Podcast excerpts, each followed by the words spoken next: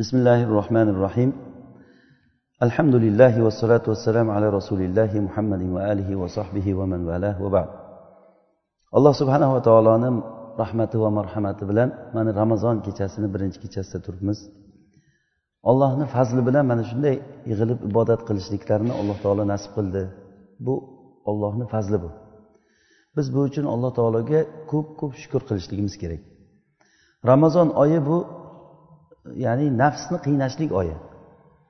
Nafsga shuning uchun ham alloh subhanava taolo insonni shahvati bo'lgan uchta narsani tiyib qo'ydi bu oyda. Yeyish ichish va ayollarga bo'lgan shahvat. Inson o'zi hayoti mana shu uchta shahvatni o'rtasida aylanadi. Yeyishlik ichishlik va e, ayollarga bo'lgan shahvat. Inson bir narsani yegisi kelib o'tiradida o'sha yegisi kelib o'tirgan narsalarni olloh uchun tashlaydi. Suvni ichgisi keladi. Chanqaysiz. O'sha paytda olloh uchun tark qilasiz. Mana bu tark qilishlikni olloh uchun tashlashlikni o'rgatadigan oy bu. Mana shundan insondan taqvo hosil bo'ladi. Mana shu bilan inson o'zini olloh subhanava taologa qul ekanligini ubudiyatini his qiladi inson. Xuddiki insonni hayoti o'zi inson yaratilishligi o'zi shahvatni xohlab dunyoni xohlab E, yaratilingan ya'ni inson o'zi qo'yib qo'ysangiz dunyoni xohlaydi. Ya'ni butun hamma narsa bo'lsin deydi. Bir vodiy agar unga mol bo'lsa yana bir vodiy bo'lsa deydi. Yana vodiy bo'lsa yana bir vodiy bo'lsa deydi. Lekin odam farzand odam bolasini ko'zini bir hovuch tuproq to'ydiradi. Xuddiki buni misolini bir yosh bolada ko'rishligimiz mumkin. Agar yosh bolani qo'yib qo'ysangiz hech ko'rganmisiz masalan bir kishi yosh bolani o'yin qilishlikka bor o'ynagin deb turib birov majburlaganligini. Yo'q o'zi o'ynaydi. Qaytankiga uni doim qaytarib turish kerak. O'ynama o'ynama deb turish kerak. O'zidan o'zi o'yinga qarab ketaveradi. Hattoki qo'yib qo'ysangiz shu o'yinni ustida uxlab qoladi. Odam ham xuddi shunday shu yosh bolani kattarog'i. Ya'ni dunyo hayotini lazzatiga inson qiziqadi. Bu ramazon kunlari sanoqli kunlar ya'ni o'ttiz kun davomida mana shu tartibda insonni mana shu tarbiya bilan tarbiyalaydi inson qilmoqchi bo'lgan narsasini qilmaslikka olloh uchun tark qilishlikka o'rgatadi. Inshaalloh mana shu oyda bizga alloh taoloni marhamati bilan juda katta bir imkoniyatlar berilingan shulardan biri ro'za bilan birga mana taroveh namozlari tahajjud namozlari. Bu tahajjud namozidan maqsad namoz o'qish emas bu.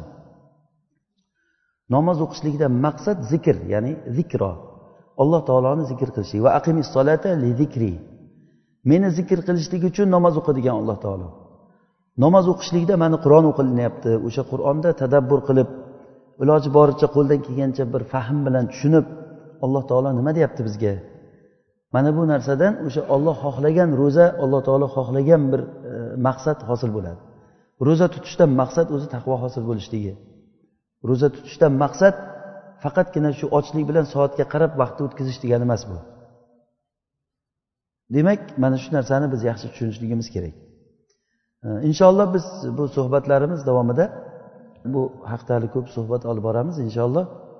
Rasululloh sollallohu alayhi vasallam aytadilar buxoriy rivoyat qilgan hadisda buxoriy buni adabul mufrat kitobida va hokim o'zini mustadrakida rivoyat qilgan hadisda rasululloh sollallohu alayhi vasallam aytdilarki men makarimul axloqni ya'ni go'zal xulqlarni tamomiy nihoyasiga yetkazishlik uchun yuborildim dedilar. Ya'ni rasulullohni yuborilishligidan maqsad. Innama bu bilasizlar arab tilida adatul hasr deydi cheklash uchun. Ya'ni meni boshqa maqsadim yo'q deganday xuddi meni yuborilishlikdan maqsad shu xulqlarni go'zal xulqlarni tamomiy nihoyiy darajaga yetkazishlik uchun degan.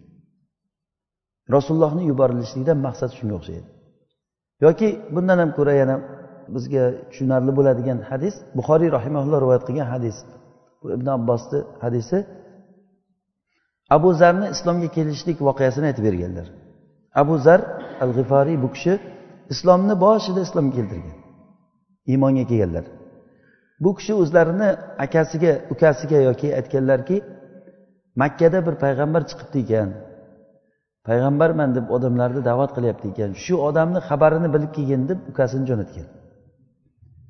Keyin ukasi kelib rasululloh haqida so'rab kimliklarini bilib qaytib borib turib akasiga aytganki e, men uni ko'rdim makarimul axloqqa chaqiryapti ekan degan. Roaytuhu yadu ila makarimil axloq degan. Ya'ni u kishi makarimul axloqqa chaqiryapti ekan. Go'yoki bu islomni boshida hali bu. Go'yoki rasulullohni chaqirgan narsalari rasululloh unga da'vat qilayotgan narsa go'zal xulqlar degani. Go'zal xulqlar degani. Buni biz yana ham tushunishligimiz uchun ibn qayyim rahimaulloh o'zlarini madarij salikin kitoblarida odob haqida gapirganlar odob qoidalari haqida gapirganda odob axloq uch xil bo'ladi dedilar.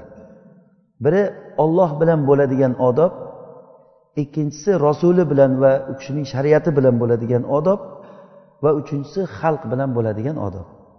Inshaalloh buni biz e, keyingi darslarda sharhlaymiz. Olloh bilan bo'ladigan odob. Demak rasulullohni yuqorida aytgan hadisimizda makarimul axloq degani ya'ni go'zal xulqlar deganligi butun din bu. Va innaka la ala xuluqin azim. La ala xuluqin azim. Siz juda buyuk ulkan bir xulq ustidasiz. Deganda alloh taoloni mana shu oyatni tafsirida aytilganki ay ala dinin azim. Xuluqni din deb tafsir qilingan. Demak bizni dinimiz nihoyat darajada mukammal xulq ustiga qurilgan. Xulqi yo'q odamni dini bo'lmaydi. Xulqi odobi yaxshi emas bo'lgan odamni dinida kamchilik muammo bo'ladi. Demak biz mana shu narsani yaxshi tushunishimiz kerak bo'ladi.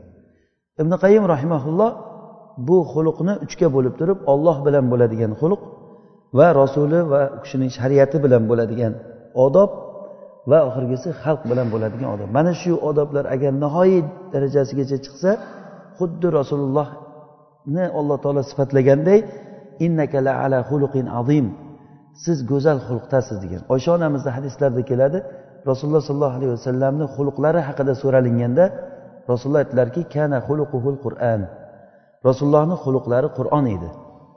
Ya'ni qur'on u kishini xulqi edi.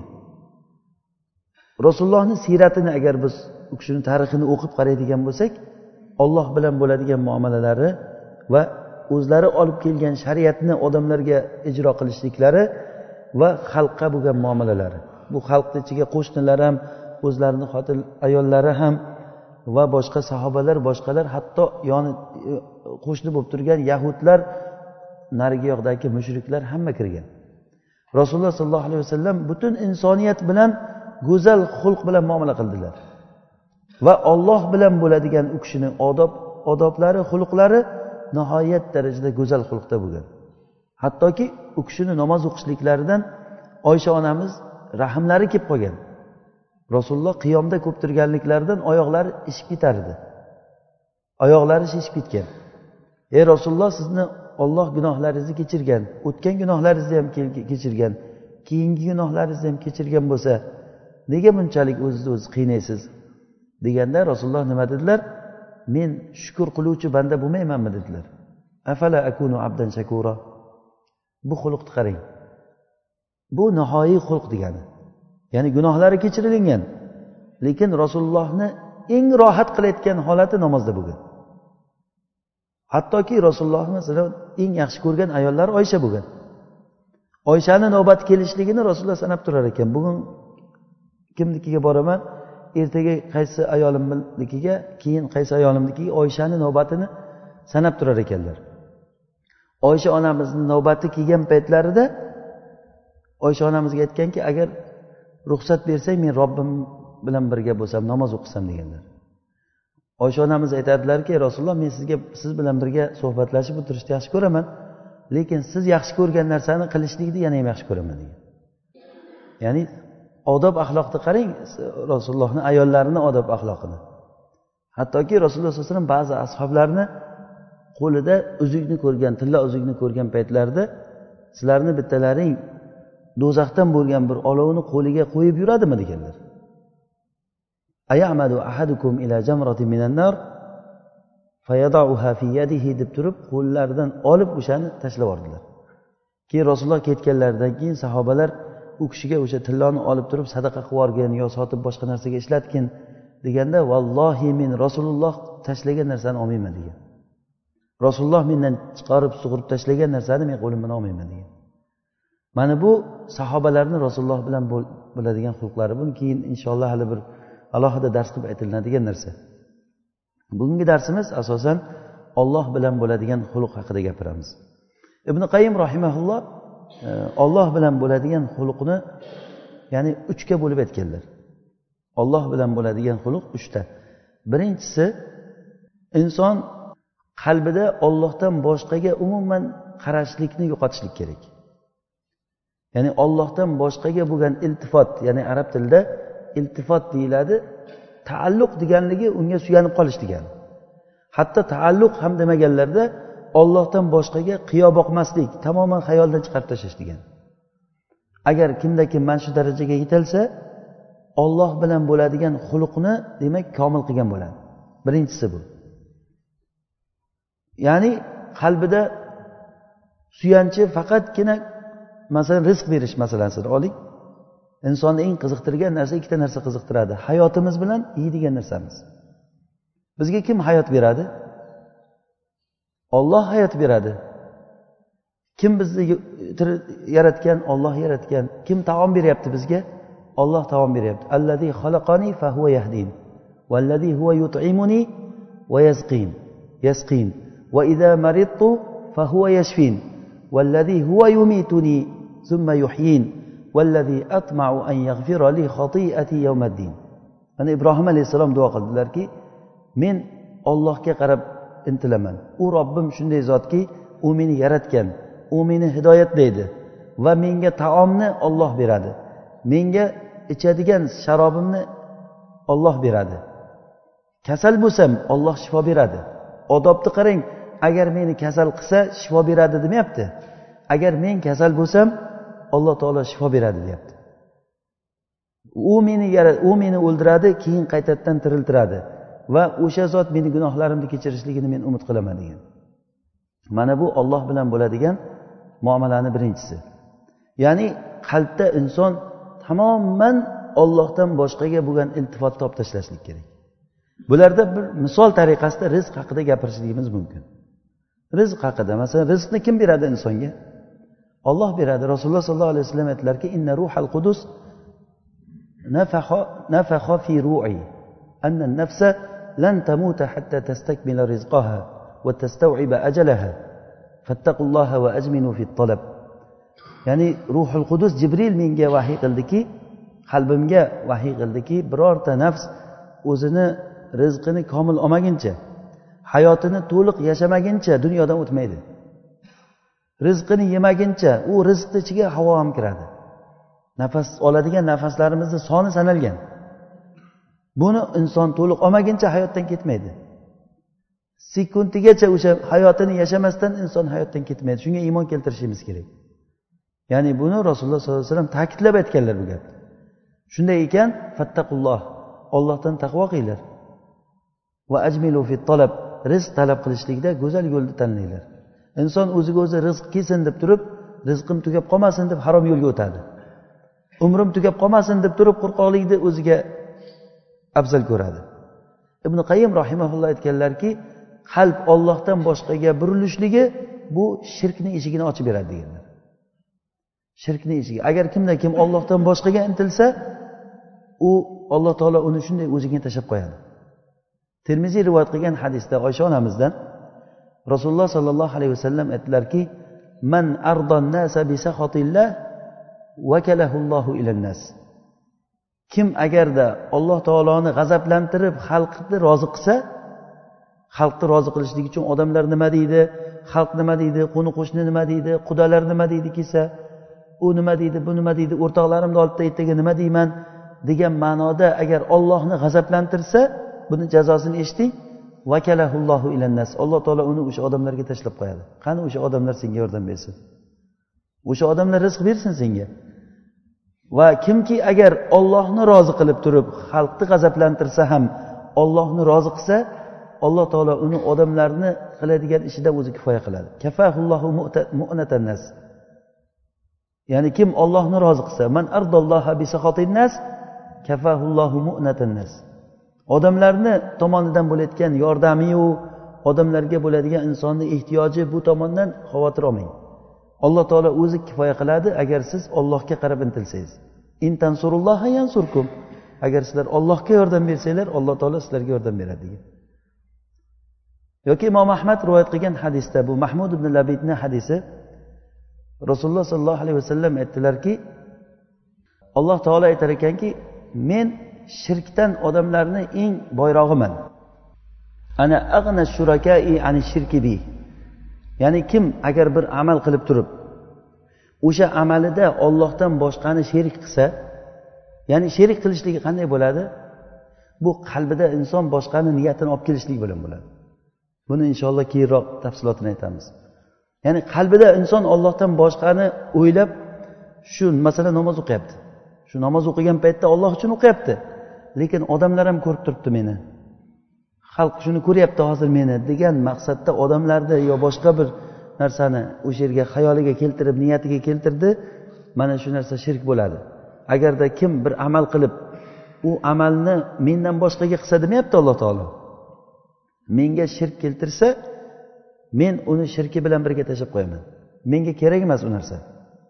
Qiyomat kuni odamlarga alloh taolo jazo bergan paytda o'sha riyo qilgan odamlarga aytar ekanki boringlar sizlar kim uchun riyo qilgan bo'lsanglar o'shani oldidan ajrlaringni olinglar kim uchun qilgan bo'lsa o'shani oldidan ajrlaringni olinglar yo'q hech kim topolmaydi yordam berishlikka.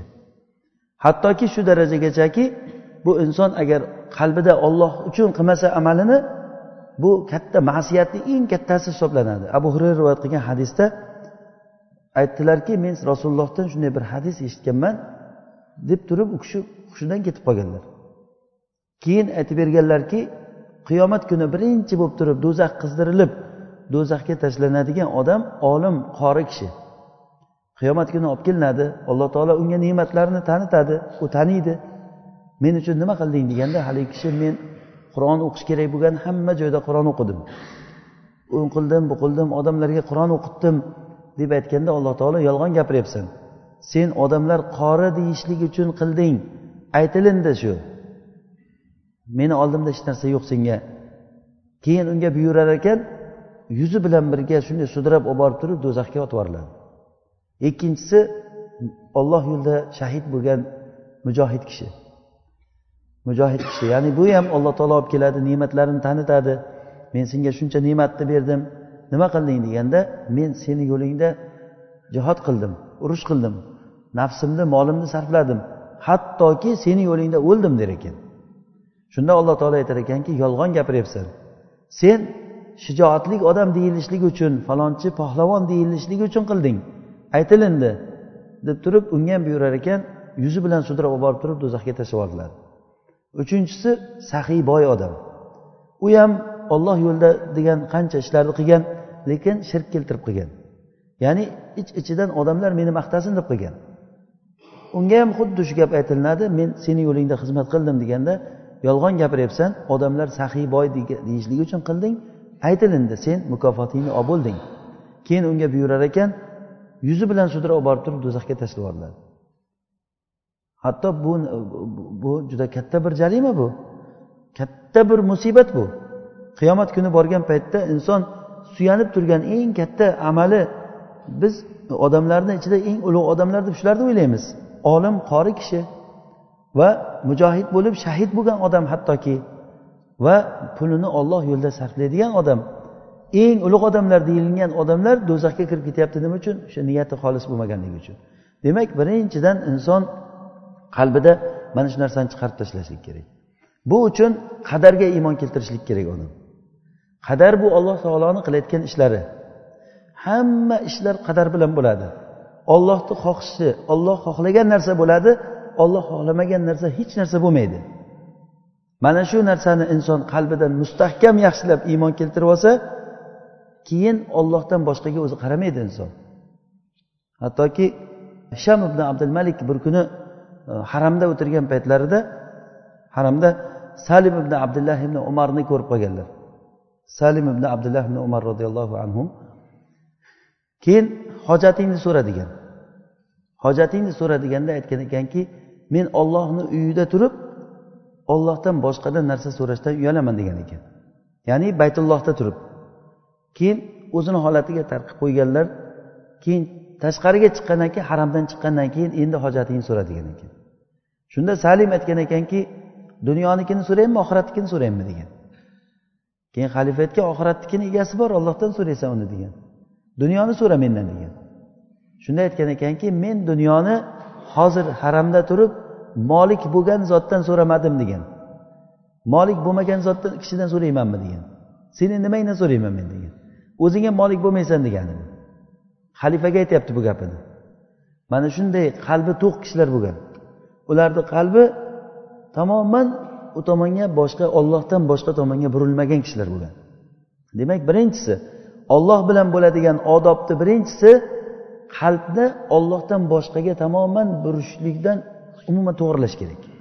Ikkinchisi amalga noqislik kirishlikdan saqlash kerak qalbni. Ya'ni amallarni noqislik kirishlikdan. Bu olloh subhanava taolo bilan bo'ladigan odobda olloh bilan bo'ladigan odobda noqislik kirmasligini xohlash kerak. Masalan valillahi masal ala. Bir hurmatli kishi bilan muomala qilmoqchi bo'lsangiz bir odamni mehmonga aytyapsiz. Mehmon u mehmon judayam kazo kazo bo'lgan hali uyaltirib qo'yadigan uyatli mehmonlardan hali aytgandek. Uyatli mehmon degani ya'ni uyaltirib qo'yadi. O'shanda qancha e'tibor berasiz? Dasturxonim qanaqa bo'lmadimikan idish tovoqlarda haligi singan idishlarga mevalarni solib qo'ygan bo'lsangiz va boshqa boshqa mana shunaqa narsalar bo'lsa haligi kir bo'lgan iflos bo'lgan qo'lartqichlarni dasturxon ustiga qo'yib qo'ygan bo'lsangiz masalan kelgan paytda bunday qarab bitta ikkita kamchilik ham odamni uyaltiradimi? Bu inson bilan bo'ladigan muomalada olloh bilan qanday bo'ladi? Inson ollohdan boshqaga o'zini nafsi uchun semiz semiz narsalarni so'yib yeydida olloh uchun berayotgan paytda bir kasalroq bo'lganini mana shu bo'ladimi deb domlalardan so'raydi. Oxiri bittasi bo'ladi bittasi bo'lmaydi deb oxiri bo'ladigan darajaga borgandan keyin bo'lar ekan deb turib o'shani berib yuboriladi o'shani ham go'shtini tarqatib yubormaydi o'ziga olib qo'yadi o'shani. Bu amalni noqislikdan saqlash bu olloh bilan bo'ladigan odob emas bu. Olloh bilan bo'ladigan odob bu ollohni shaoirlarini ulug'lashlik bilan bo'ladi.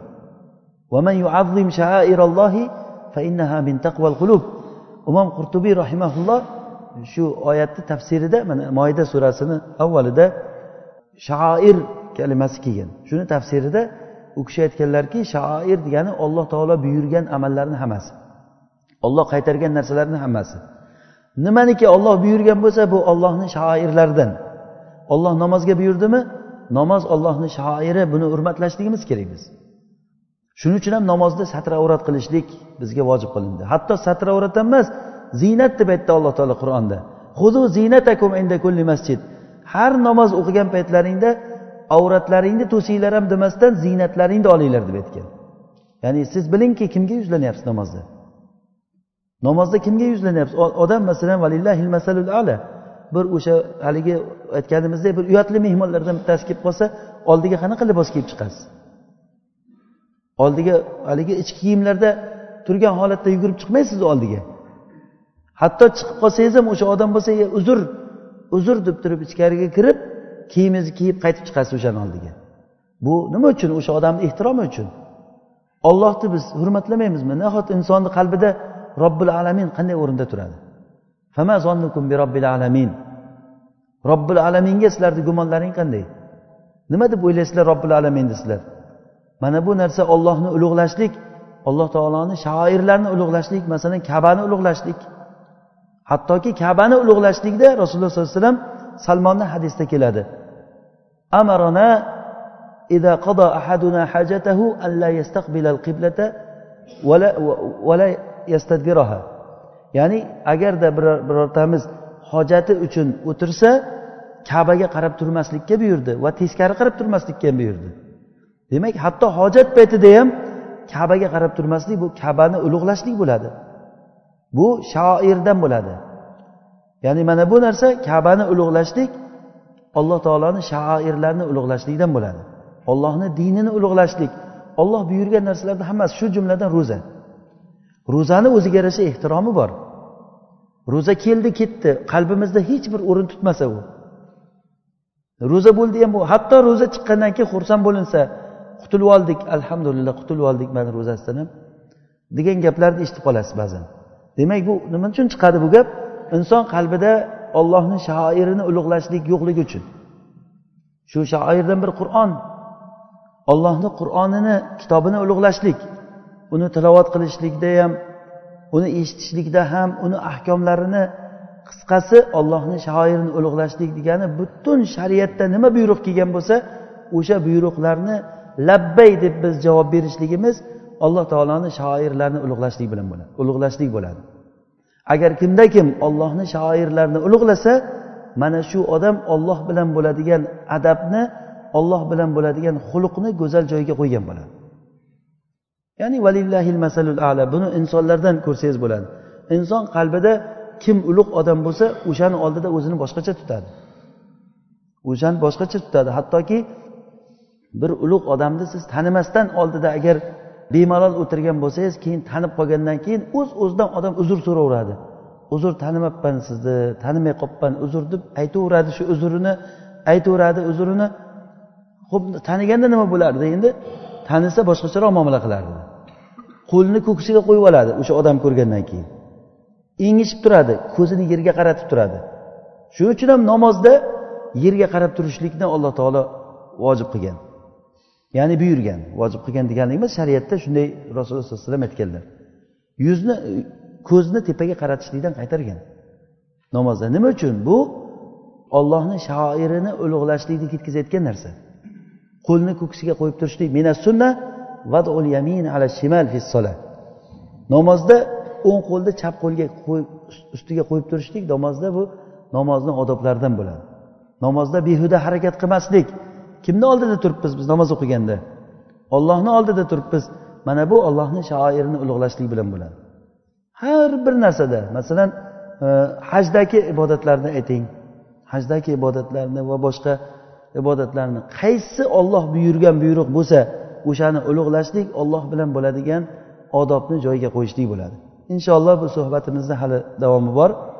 Demak bir o'tgan e, gaplarni bir takror qilsak olloh bilan bo'ladigan odob bu. Birinchidan nima bilan bo'ladi dedik? Qalbdan ollohdan boshqani chiqarib tashlashlik bilan bo'ladi. Ibn qayim rahimaulloh aytdilarki bu qalbda ollohdan boshqaga intilish borligi shirk eshigini ochishlik bo'ladi. Kimda kim agar ollohdan boshqaga intilsa ollohdan boshqaga intilsa uni maqsadiga yetolmaydi o'zini va ziyon o'sha tarafdan keladi. Alloh taolo uni yordamsiz tashlab qo'yadi. Va ziyon ana shu suyangan odami tarafidan keladi bilsin. Kim agar ollohdan boshqadan umid qilsa kasalingizga shifo bo'lishligi deb bo'lsin kambag'al bo'lsa boyishligi bo'lsin agar xor bo'lsa boyishligi bo'lsin aziz bo'lishligi bo'lsin hammasi bilingki ollohdan ala innal izzata lillahi jamiat izzat hammasi ollohniki mulk ollohniki qulillahumma malikal mulk tu'til mulka man tasha وتنزع الملك ممن تشاء وتعز من تشاء وتذل من تشاء بيدك الخير إنك على كل شيء قدير تولج الليل في النهار وتولج النهار في الليل وتخرج الحي من الميت وتخرج الميت من الحي ya'ni qarang bu oyatlar hammasi mana shu aytgan ma'nolarimizni o'z ichiga oladi. Ey ollohim mulkni egasi xohlagan odamingga xohlagan kishingga mulk berasan xohlagan kishingdan mulkni tortib olasan. Xohlagan kishingni xor qilasan xohlagan kishingni aziz qilasan xohlagan kishingni xor qilasan. Yaxshilik seni qo'yningda qo'lingda. Sen har bir narsaga qodir zotsan. Kechasini kunduzga aylantirasan kunduzini kechasiga aylantirasan bu ishni kim qila oladi? Hozir azizlikni insonlar o'ylaydi insonlardan deb o'ylagan odamlar lekin kecha bilan kunduzda ixtilof qilmaydi bunda. Shuning uchun ham kecha va kunduzni keltiryaptiki go'yoki kofirlarga yoki qalbi zaif bo'lgan odamlarga bu ochiq bir dalilki ochiq bir dalilki bilib qo'yinglar kecha bilan kunduzni kim aylantiryapti ollohmi shu zot aziz qiladi o'sha zot xor qiladi. Izzat istab ollohdan boshqaga bosh egsang agar faqatgina unga xor bo'lgani qoladi insonni lekin olloh taqdir qilgan narsadan boshqa bo'lmaydi. Ollohni ishiga xilof qilib turib borib rizq so'rasangiz boshqa kishidan o'sha odamni oldida xor bo'lganingiz qoladi sizga olloh taqdir qilgan narsadan boshqa narsa bo'lmaydi. Bilingki hamma narsa ollohni qo'lida. Kechani kunduzga aylantiradi kunduzni kechasiga aylantiradi. Va o'likdan tirikni tirikni chiqaradi tirikdan o'likni chiqaradi. Hamma narsa ollohni qo'lida. va olloh xohlagan kishisini xohlaganday rizq beradi. Alloh taolo hammamizni hidoyatlasin qalbimizni hidoyatlasin. Qalbimizda ollohdan boshqaga bo'lgan iltifotni ya'ni bir qarashlik bo'lsa ham shuni chiqarib tashlashlikda alloh taolo o'zi tavfiq bersin shu narsaga. Subhanak allohumma bihamdik nashhadu an la ilaha illa ant nastag'firuka va natubu ilayk.